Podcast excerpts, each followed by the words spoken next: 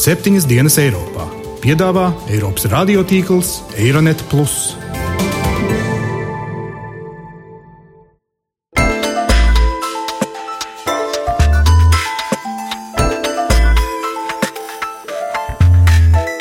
Šonadēļ septiņas dienas Eiropā dzirdēsim. Tas, kurš var paņemt, paņem šo naudu. Geogrāfiskais princips šajā fondā nedarbojās. Netiek izlīdzināts Latvijai, Polijai, Vācijai, bet procedūra ir ļoti necaurspīdīga.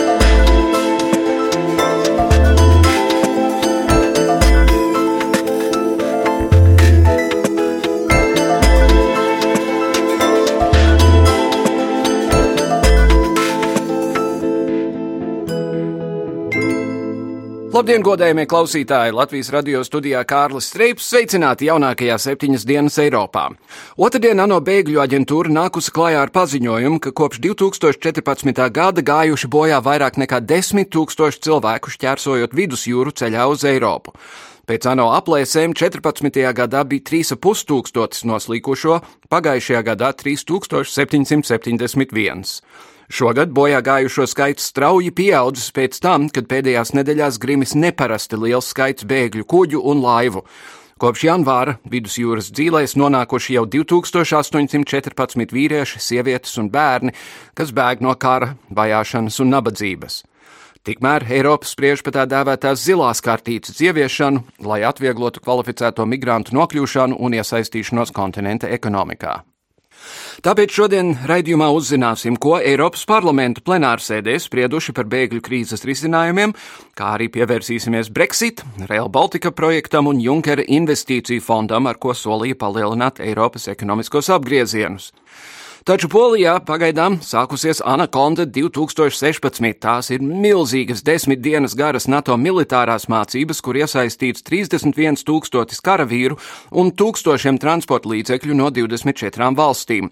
Pirmo reizi kopš 1941. gada vācu tanki atkal šķērsos Poliju, Anakonda 2016 ir prelūdija NATO Varšavas samitam jūlija sākumā, kur paredzēts vienoties par ievērojamu skaitu karavīru un iekārtu izvietošanu Polijā un Baltijas valstīs. Tas viss, protams, Maskavai galīgi nav paprātam.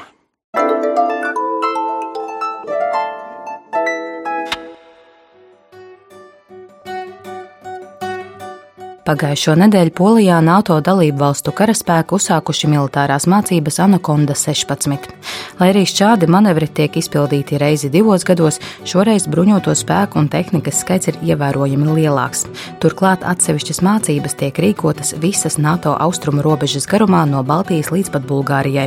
Šā gada scenārijs pārbaudīs militāro spēku gatavību reaģēt uz hibrīd draudiem. Krievijas reakcija bijusi paredzami nosodoša. Ārlietu ministrs Sergejs Lavrovs paudis paudis neapmierinātību par manevriem Krievijas robežas tūmā un piebildis, ka mācības pasliktina attiecības ar Maskavu.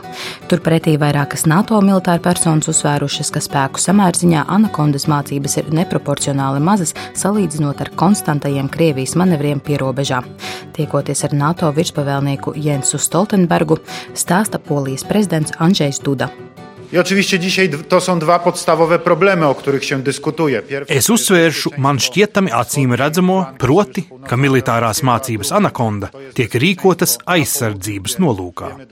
Šīs apmācības tiešām ir grandiozas jo tajās piedalās tūkstošiem bruņoto spēku personāla ar milzīgu daudzumu līdz paņemtā ekipējuma.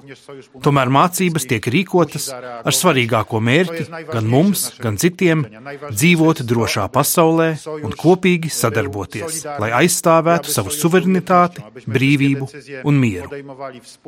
Esmu ļoti iepriecināts par to, ka gan mūsu, gan sabiedroto karavīriem ir iespēja iepazīties, mācīties kopā un pilnveidot savas iemaņas, jo tikai tādējādi spēcinām savu drošību un aizsardzību. Kā zināms, militārās mācības norisinās tieši pirms jūlijā gaidāmā NATO samita Varšavā. Apspriesto jautājumu vidū ir gaidāms lēmums par to, vai Polijā un Baltijas valstīs novietotu ievērojamu bruņoto spēku kontingentu. Lai arī pagaidām nevar spriest par šīs diskusijas iznākumu, reāla NATO klātbūtne reģionā viestu cerības daudziem, kuri līdz šim uzskatījuši aliansi kā starptautisku blefu. Pēckrīzes gados daudzi Eiropas uzņēmumi atjaunoja naudas līdzekļu rezerves, taču kavējās tos ieguldīt investīcijās, baidoties no zaudējumiem mainīgās ekonomiskās situācijas dēļ. Turklāt valstu budžetu apjoms krīzes laikā ievērojami mazinājās un publiskajam sektoram trūka līdzekļu, ko ieguldīt. Tālāk, lai pārvarētu stagnāciju, bija nepieciešams jauns ekonomikas stimuls. Eiropas komisijas prezidents Žans Klods Junkers neilgi pēc ievēlēšanas piedāvāja savu uzmetumu investīciju plānam, kas paredzēja Eiropas ekonomikai trīs gadu laikā piesaistīt investīcijas vismaz 315 miljārdu eiro apmērā. Pagājušā gada jūnijā Eiropas parlaments balsojumā investīciju plānu atbalstīja. Vairāk par to, kā pirmajā gadā veicies tā sauktajam Junkera investīciju plānam, uzzināsim mana kolēģe Jāņa Kropa sižetā.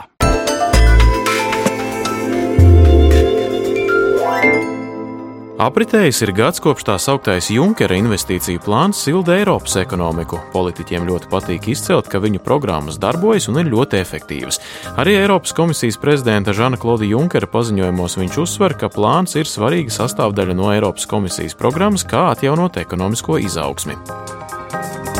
Lielākā problēma pēc krīzes Eiropā ir gausais apjoms, kādā tiek ieguldīta nauda jaunos projektos. Tam iemesls nav naudas trūkums, bet gan investoru minstināšanās naudu ieguldīt. Tāpēc arī Eiropas komisija piedāvā iespēju kļūt par riskantāko darījumu garantu, ieguldīt nedaudz savas naudas, lai tādā veidā iedrošinātu arī investorus ieguldīt savējo.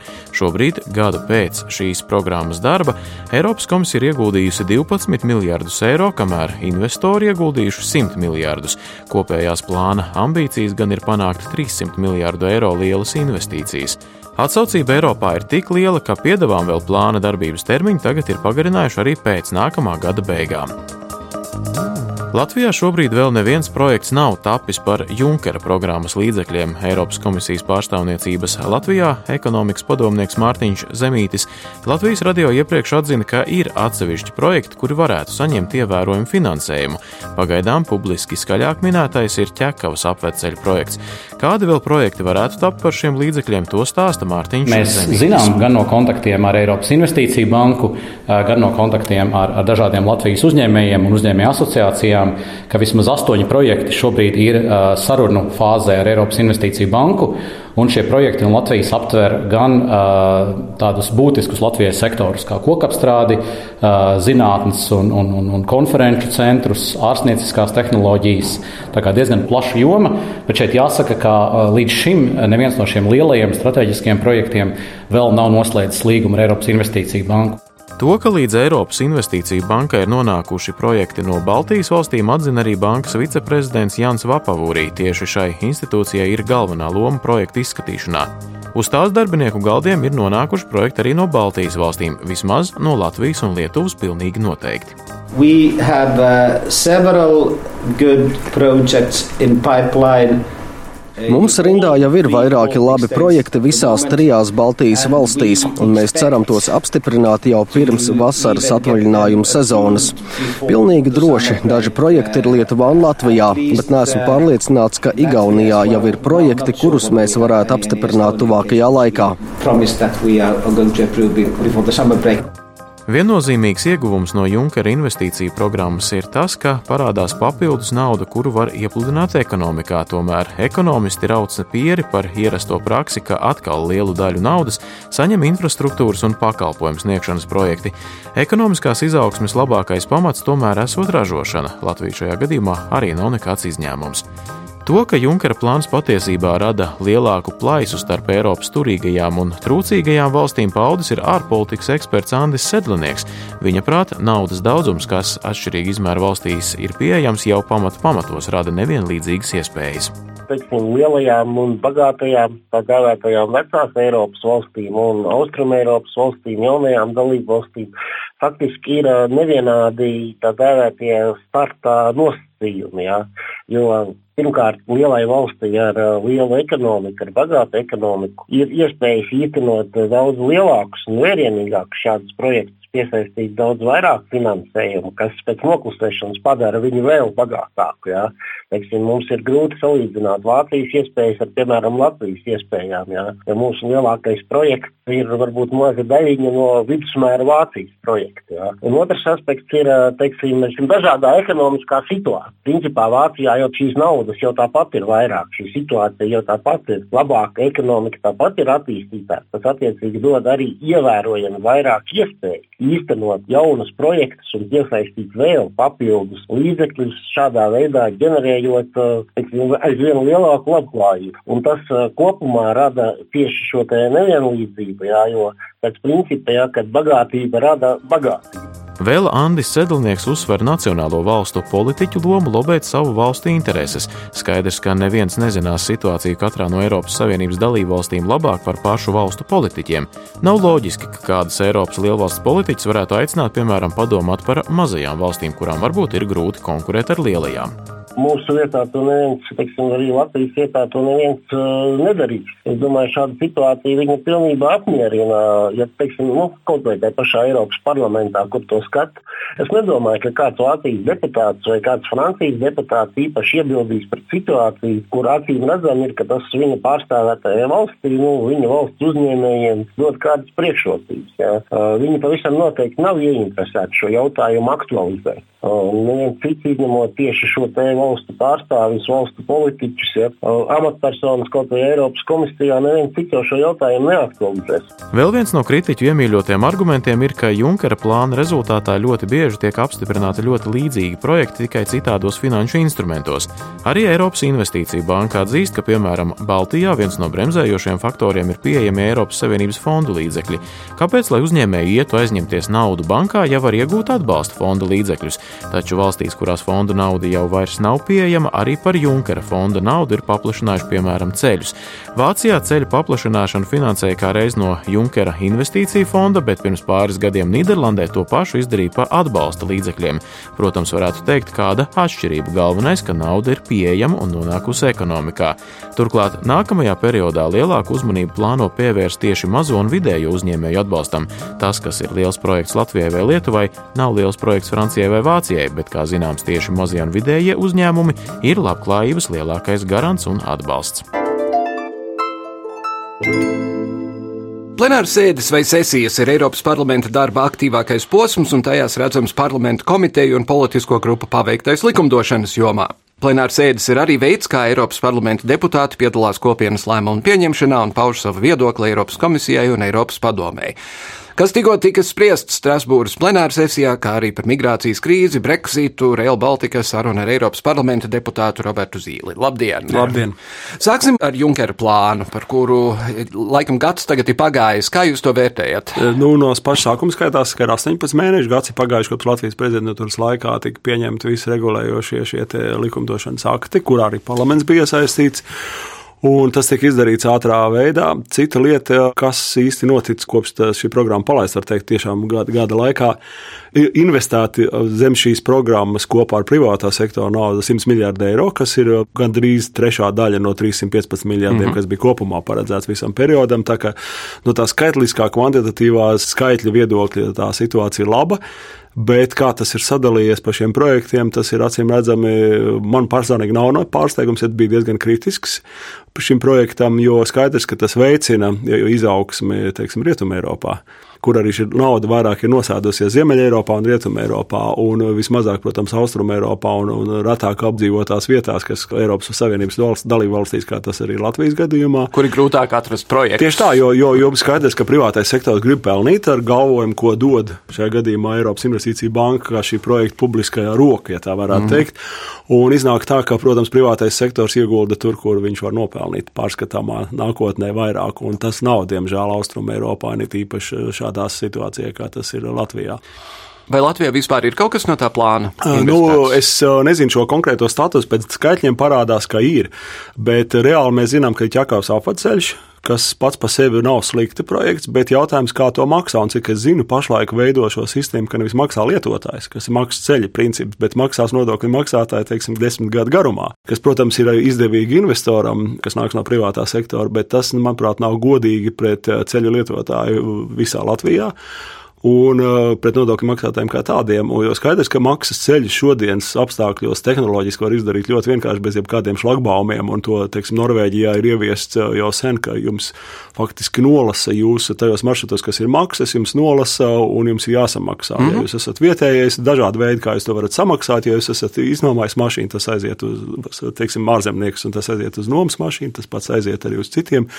Līdz ar to tehnoloģijas to var izdarīt, un, manuprāt, būtu tikai kārtīgi un godīgi, ja šai Čakavas apvades ceļa gadījumā tas būtu maksas ceļš. Vēl ir arī mazo video uzņēmumu atbalsta programma, kas ir veidota caur Svetbanku sistēmu Baltijas valstīs kopīgi visā, un uh, tur var iesaistīts, acīm redzot, ir arī automs. Cik liela balss vispār Eiropas parlamentam ir šādās lietās? Jo lielākoties lēmumi tiek pieņemti Eiropas padomē un, un komisijā. Es gribētu teikt, ka tas, kas attiecas uz šo uh, Junkera plānu vai šo Eiropas strateģisko investīciju fondu lietotiem projektiem, tur vispār ir ļoti neskaidra procedūra. Ja ir uztaisīts viena loga, varētu teikt, tāds pieejas hubs, kas ir uh, pie Eiropas Investīcija bankas, un skaidrs, ka tā sistēma ir diezgan necaurspīdīga, jo skaidrs, ka iniciators pamatā nu, ir arī publiskais sektors, bet arī privātais sektors sagaida. Un um, šī kārtība ir tāda, ka Eiropas parlaments faktiski saņem tikai informāciju, kas bija tieši šīs, šīs nedēļas sarunas temats, jo tas bija tā saucamā vidējā termiņa pārskats jā, par -hmm. to, mhm. kas pa gadu izdarīts, kurā ir daudz tādas vispārējas statistikas un grafikas, kur ir atzīts, ka geogrāfiskais princips šajā fondā nedarbojās. Līdz ar to netiek izlīdzināts, ka teiksim, varētu Latvijai, Polijai, Vācijai būt puslīdz saprātīgi pēc kaut kādiem kritērijiem izvērst šajā gadījumā tas, kurš var paņemt, paņem šo naudu, šo publisko galvojumu Eiropas Savienības vārdā caur Eiropas Investīciju banku, bet procedūra ir ļoti, ļoti necaurspīdīga. Tas, starp citu, bija Junkera dizainēts projekts, un tā viņš arī bija domāts. Lēmumu pieņem šaurs lokus eksperti. Tā skaitā Latvijas prezidentūra bija tā, kas. Jā, Latvijas prezidentūra veidoja šo dizainu, jo bija, protams, spiediens to ļoti ātri pabeigt. Mm -hmm. Līdz ar to, jebkura prezidentūra šo sešu mēnešu laikā, kas iekrīt Latvijas prezidentūras laikā, būtu šo programmu pieņēmusi, jo Junkera un dažu lielo dalību valstu spiediens bija ļoti liels pabeigt šo programmu. Programmas sagatavošana tā. Pievērsīsimies tālāk bēgļu jautājumam. Tur ir bijuši tagad strīdi lieli starp Vāciju un Turciju. Erdogans ir sācis buntoties. Pirmais, ko es gribu jautāt, ir, ir sākusies saruna par zilām kartītēm. Ko tas nozīmē? Nu, viņas eksistē, bet viņas ir dalību valsts izdod zilās kartes, kas, protams, nozīmē, ja teiksim, Āfrikas speciālists, kas varētu strādāt kādā no iegūst, piemēram, karti Francijā, tas nozīmē, ka viņš nevar pēc tam pārvietoties ar šo zilo karti un strādāt Vācijā. Mhm. Un šeit bija tas priekšlikums to padarīt par Eiropas Savienības zilo karti, kas, protams, ir ļoti diskutabls jautājums gan no tā, vai, vai vajadzētu šo valsts suverenitātes uh, par šiem lēmumiem faktiski darīt Eiropas Savienības vārdā, bet pats svarīgākais manā skatījumā ir, ir tas, ka mēs faktiski noplicinām šīs valstis, kas ir trešās pasaules valsts, Ziemeļāfrika, Tuvijā Austrumā, no kuriem ļoti daudz cilvēku bēg. Mēs noplicinām no labākajiem cilvēkiem. Jo Ko faktiski mēs, jo mēs, mēs paņemam tos, kuri spēja ātri iesaistīties darbspēku tirgu, jo tie ir labākie teiksim, šo valstu cilvēki, kuri vēlās pārcelties no savām zemēm uz Eiropas Savienības darba tirgu, kas ir saprotami. Bet eh, tas ir īstermiņa skats, kas nozīmē, jūs paņemat pēdējo, kas varbūt dažās no šīm valstīm ir palicis, kas varētu potenciāli izvilkt viņu pašas valsts uz kaut kādu saprātīgu attīstības līmeni, pēc, pēc kaut kādu negadījumu, teiksim, novēršanas, kas skaitās bieži vien arī ar visādiem pučiem, militāriem sadursmēm un tam līdzīgi.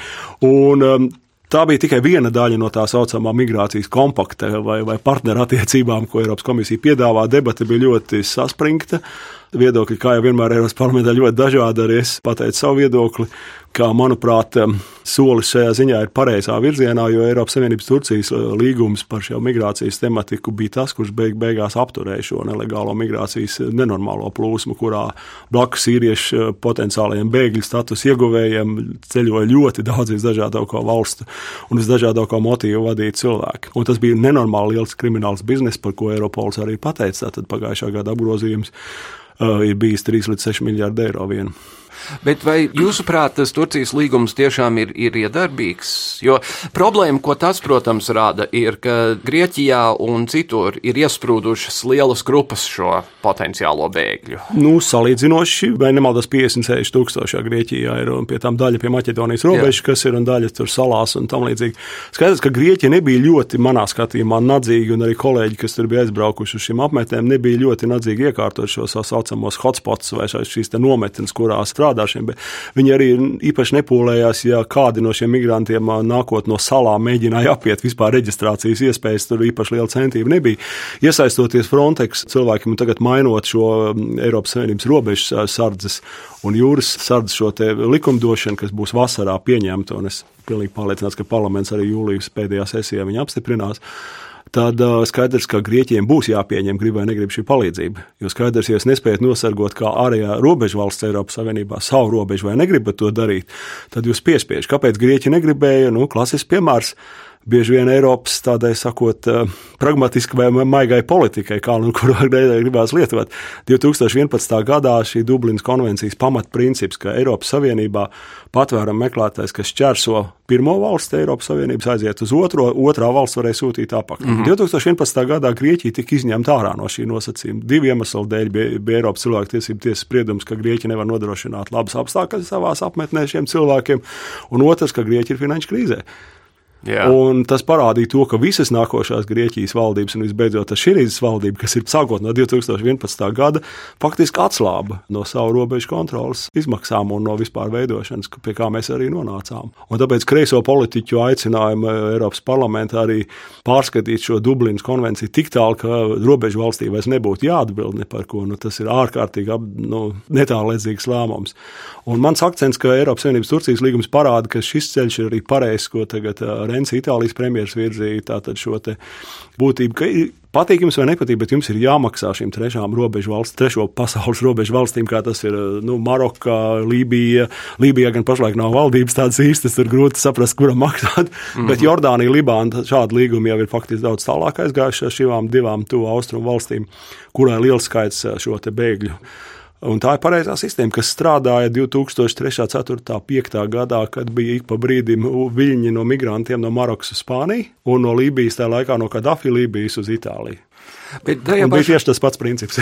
ja šogad ir atkal sācis pieaugt to cilvēku skaits, kas noslīkst vidusjūrā, tad tas it, it kā liecina, ka varbūt viņi mēģina tagad paši ar savu galvu kaut kādu laiviņu, kaut kādu plostu atrast. Tā, tā nav viņu galvas, tās ir kontrabandistu galvas. Tomēr tie ir organizētās noziedzības tīkli, kuri bija gan Lībijā, gan Tuvos Austrumos, tātad pamatā uz šajā gadījumā uz Turciju, un kuri strādāja gan Eiropas Savienības pusē, tīpaši Grieķijas, Turcijas, tur laba sadarbības starp Turku un Grieķu, teiksim, vismaz viņu teritorijās atrodošiem kontrabandistiem, mm. cilvēku, kurā tiek atmesti visi vēsturiskie pārnodarījumi.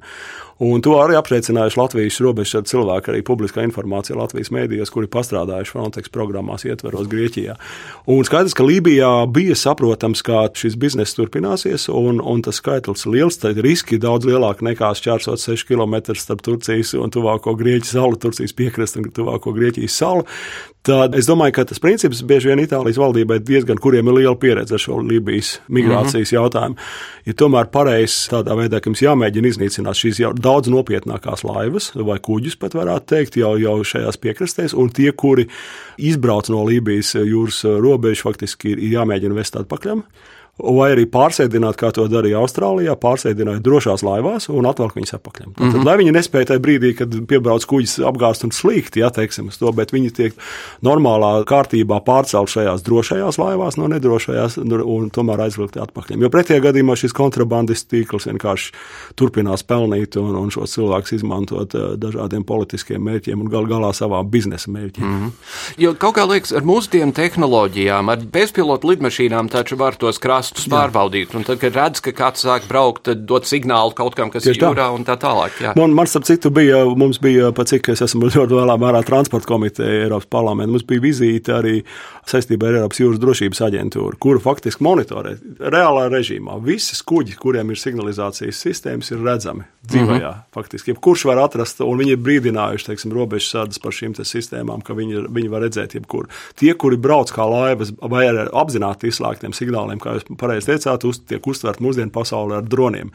Faktiski, ja nu vēl Turcijas, Grieķijas, dēļ ļoti mazām laivām lielā skaitā varbūt ir problēmas, kam es īsti neticu no tehniskā no viedokļa, tad starp Lībiju un, un, un, un teiksim, Lampedūzas salu. No tur var visus paņemt, visus jā. nofiksēt. Un, ja no mūsdienu droniem var izlasīt avīzes, ko kāds tur rokās, tad var arī maziņu laiviņu atrast. Jā. ja par transporta lietām Real Baltica garantēti būs, vai vēl ir, ir jautājumi par to? Nē, bet ar lielu, teikšu, atklāti joprojām, un, un tāpēc arī mēs Eiropas parlamentā esam izveidojuši tādu kā Baltika draugu klubu, kurā ir faktiski visai koridorā iesaistīto valstu deputāti. Mēs tiešām arī tikāmies nesen ar Baibu Rubes, kuru sāku vadīt šo kopu uzņēmumu Baltijas valstīs. Baltijas valsts veidot kopu uzņēmumu un arī projektu koordinātoru Trautmanas kundze. Tas ir diezgan regulārs pasākums arī ar komisāri. Un uh, bažas ir. Bažas ir tāpēc, ka ir mēģinājums šo daudzu valsts karošu projektu Real Baltica padarīt kā tomēr klasisko kohēzijas fonda apgūšanas projektu. Respektīvi, katra valsts pasūta pēc saviem uh, kritērijiem, standartiem, lai arī šī paša projekta būtība ir ātri šķērsot ar vienodu signalizācijas sistēmām, vienādām infrastruktūras prasībām, vilcienam no sākot no Tallinas vai pat Helsinkiem, ja mēs tā -hmm. teiksim, iezīmējam tālāk nākotnē līdz Varšavai. Bet vai Eiropas kohēzijas noteikumos nevar noteikt, ja mēs jums dosim naudu, Jā, tad jums nē. ir jāievēro šie standarti? Nē, tur tā lieta, ka pat cik lai varētu dot lielu līdzfinansējumu apjomu līdz 85% no projekta izmaksām, mēs iestrādājām it kā atsaucējās īpašajā savienojot Eiropu finanšu instrumentu. Tā viņš gudri sauc saucās. Mm -hmm.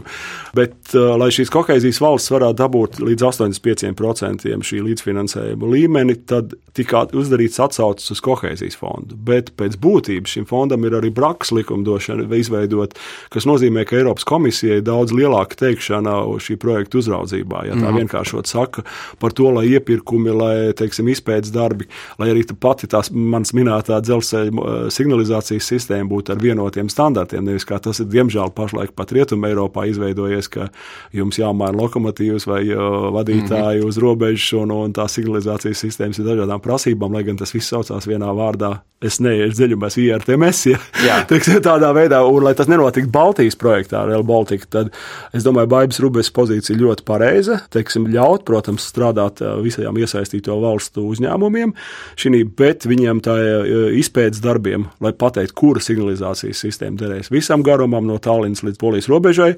jābūt vienotiem. No, nu, tā kā lietuvieši mēģina pašlaik radīt, ka viņi pasūtīs no Kaunas jau uzbūvētajā līnijā līdz Polijas robežai savu. Mm -hmm. Laikā, kad Ryanair var no Rīgas uz Londonu aizlidot par 27 eiro vai kā nebūtu, vai vilciens nav anahronisms? Nē, Nē. vilciens nav anahronisms. Un uh, skaidrs, ka dzelzceļš ir, uh, ir un paliks tuvāk. Jau, jau vairāk kā 10, jau pat 20 gadus viņš ir Eiropas transporta prioritāte. Neiet viegli ar šo prioritāti, tāpēc arī šī nauda lielā mērā, kas ir šajā savienotā Eiropas finanšu instrumentā, ne tikai Baltijā, ir paredzēta dzelzceļa attīstībai, nevis autoceļa attīstībai un, un, un lidostu. Varbūt tās ir, protams, savi resursi paredzēti, bet tas tā nav. Un, un skaidrs, ka dzelzceļš, ņemot vērā šāda ātruma dzelzceļš, kā viņš ir paredzēts, jo faktiski jūs nedaudz vairāk kā 4 stundās dienās šķērsojot no Tallinas līdz Polijas robežai šo te teritoriju. Mm.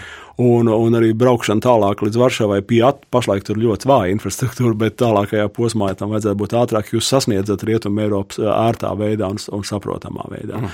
Un aviācija vienmēr ir saskarsta vairāk ar dažādām dabas kataklizmām un drošības apstākļiem nekā dzelzceļa. Nu, jāņem vērā kaut vai Islandes vulkāna izvirduma situācija, kas Piemēram. parādīja, ka mēs esam sala. Tā kā dzelzceļam ir, un, protams, ģeopolitiskā nozīme pat no tīra militāra viedokļa. Un pēdīgi, diemžēl mums laiks iet uz beigām, kā Eiropas parlaments kopumā un it īpaši jūsu britu kolēģi skatās uz, Brexit. uz iespēju, ka, kad notiks Brexits. Nu, man ir 20 britu kolēģi, nu, konservatīvie, kas ir mūsu teikt, frakcijā. Nu, viņi tā, viņiem dažādi viedokļi. Viņi ievēlēt katrs no savu apvidus, un vēlētāji dažos ir vairāk par Brexit, un citi ir vairāk par palikšanu. Līdz ar to viņi, protams, nu, ir izpilda savu vēlētāju viedokli, cits aktīvāk, cits mazāk aktīvs. Bet tajā pašā laikā nenotiek tāda apzināta apkarošanas vienam otram, teiksim, šajā priekšvēlēšana kampaņas laikā, kas ir tā labā ziņa. Es pats domāju, ka beigu beigās, un ļoti ceru, ka beigu beigās Briti tomēr nobalsos par palikšanu ar nelielu balstu pārsvaru, kas būtu arī Davida Kamerona uzvara. Un, uh, faktiski nāktu par labu. Tur ir ļoti daudz argumentu. Mums nav laika to izrunāt, bet Protams. es domāju, ka ģeopolitiski tas ir ārkārtīgi svarīgi mums, ja Briti nobalsos par palikšanu. Nu, jā. bet, ja nobalsos par izstāšanos, vai tas nozīmē, ka jūsu kolēģi Eiropas parlamentā nākamajā rītā nē. jau vairs nebūs nē, nē. Eiropas parlamentā? Nē, nē, nē, viņi paliks un ir divu gadu procedūra maksimālā termiņā. Protams, viņi pat var patikt pagarināt vai arī saīsināt tas, ko nosaka Eiropas līgumi.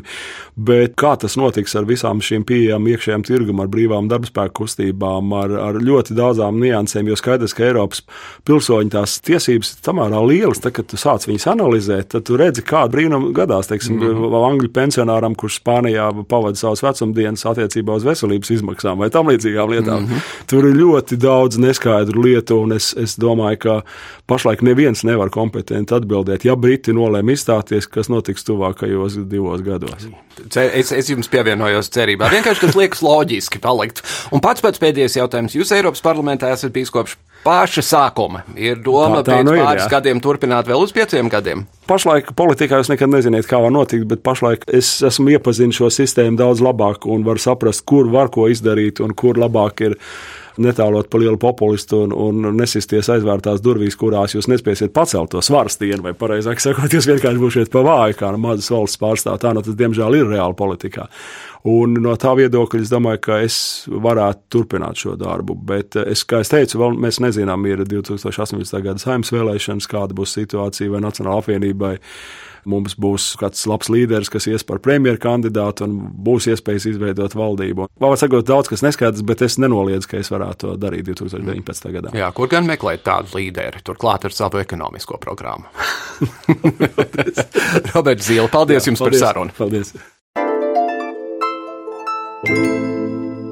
Gavēnis māca musulmaņiem pacietību, izturību un paklausību dievām. Gavēņa vai sauma laikā musulmaņi iegūst mieru, iekšēju līdzsvarotību un izprot tos, kuri nabadzības dēļ ikdienas jūt pastāvīgu izsalkumu.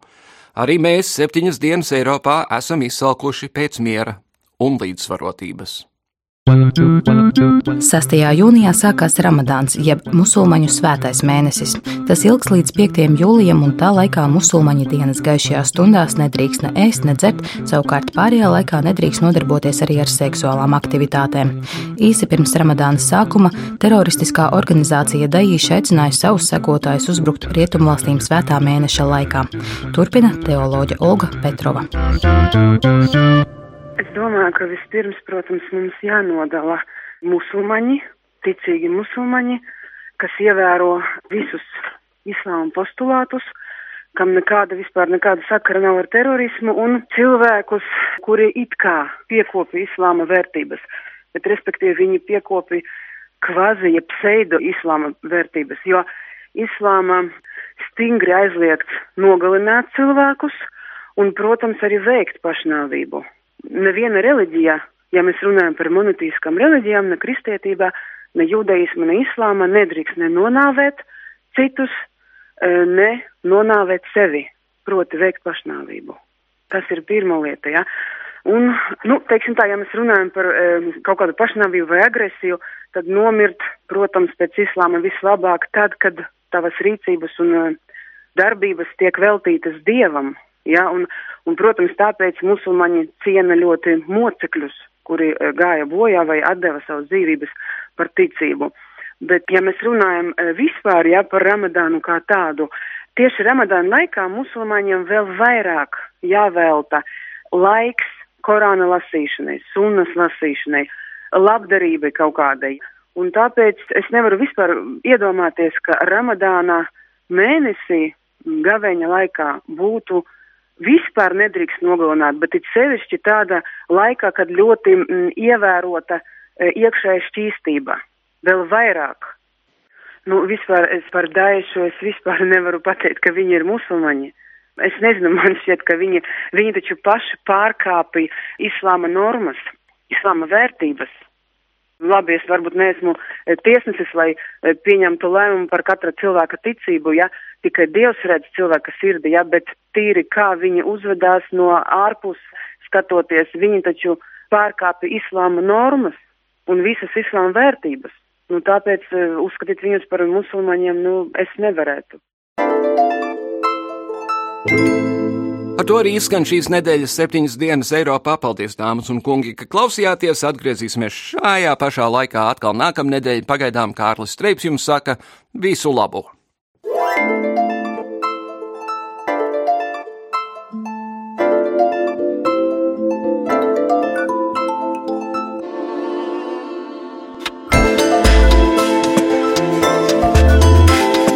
Raidījumu veido Kārlis Streips, Ieva Valēna un Jānis Krops. Raidījuma producents Lukas Rozītis.